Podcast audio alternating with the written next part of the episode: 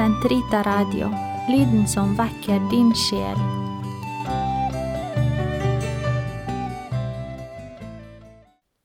Den katolske kirkes katekisme, uke åtte, onsdag, paragraf 1159 til 1165. Hellige bilder. Det hellige bildet, det liturgiske ikon, fremstiller i første rekke Kristus. Det kan ikke fremstille den usynlige og ufattelige Gud. Det er Guds sønns inkarnasjon som innledet en ny økonomi i billedbruken.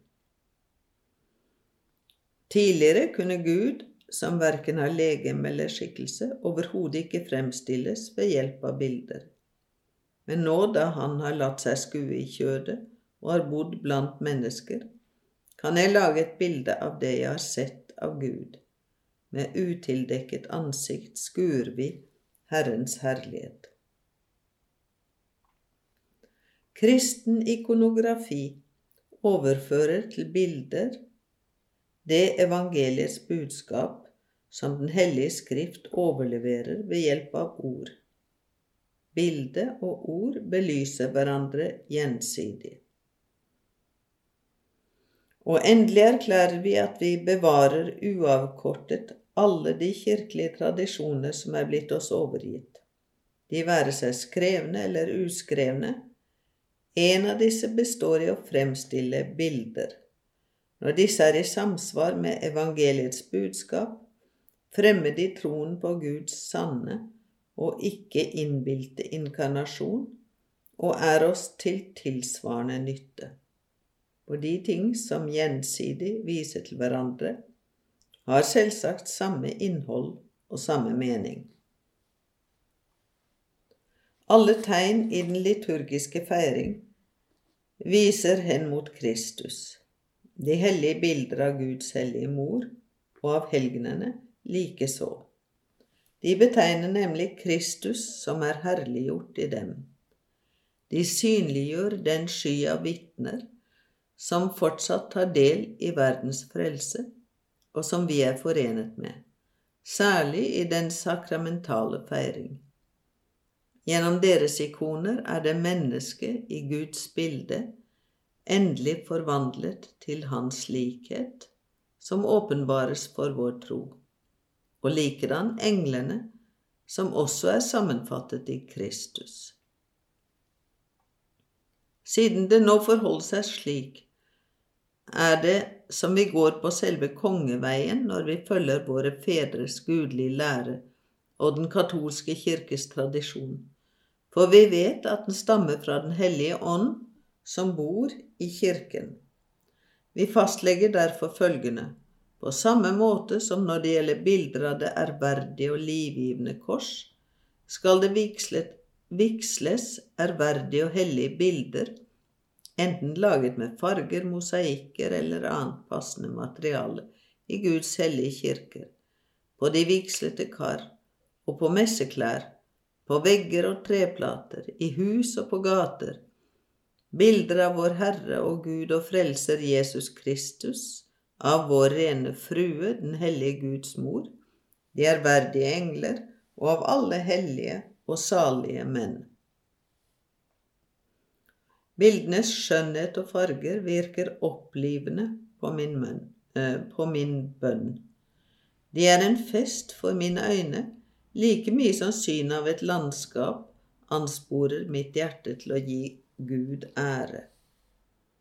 Å betrakte de hellige bilder samtidig som vi grunner over Guds ord og synger liturgiske hymner, er noe som inngår i harmonien mellom de liturgiske tegn, slik at det mysterium som feires, risset, risses inn i hjertet og siden gis uttrykk i de troendes nye levned. Når feire? Den liturgiske tid.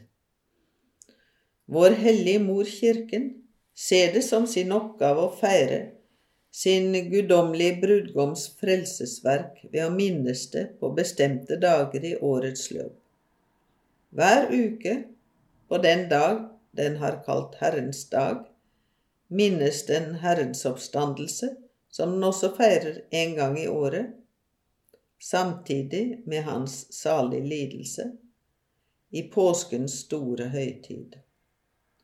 Og hele Kristi mysterium utfolder den gjennom årets gang. Idet den slik feirer gjenløsningens mysterier, åpner den adgang for de troende til sin Herres rikdommer, til Hans kraft og Hans fortjenester. På denne måten blir disse mysterier på sett og vis gjort nærværende til alle tider. De troende kommer i berøring med dem og blir fylt med frelsens nåde. Allerede på Moselovens tid kjente Guds folk til festet som var fastlagt etter påskefesten, for å minnes Gud Frelserens underfulle gjerninger, si ham takk, føre minne om dem videre, og lære stadig nye slektledd å rette seg etter dem i sin livsførsel. I kirkens tid, som befinner seg i tidsrommet mellom Kristi påske fullbrakt en gang for alle, og dens fullbyrdelse i Guds rike, bærer liturgien, feiret på faste dager, helt preg av det nye Kristus-mysteriet.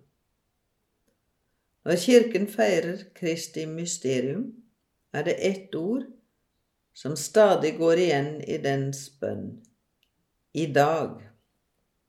Dette ordet er en gjenklang av den bønn den har lært av sin Herre og av Den hellige ånds kall. Den levende Guds i dag som mennesket er kalt til å gå inn til, er Jesu påskes time som gjennomsyrer og bærer hele historiens gang. Livet strakte seg ut over alt som lever, og alle fylles av et stort lys.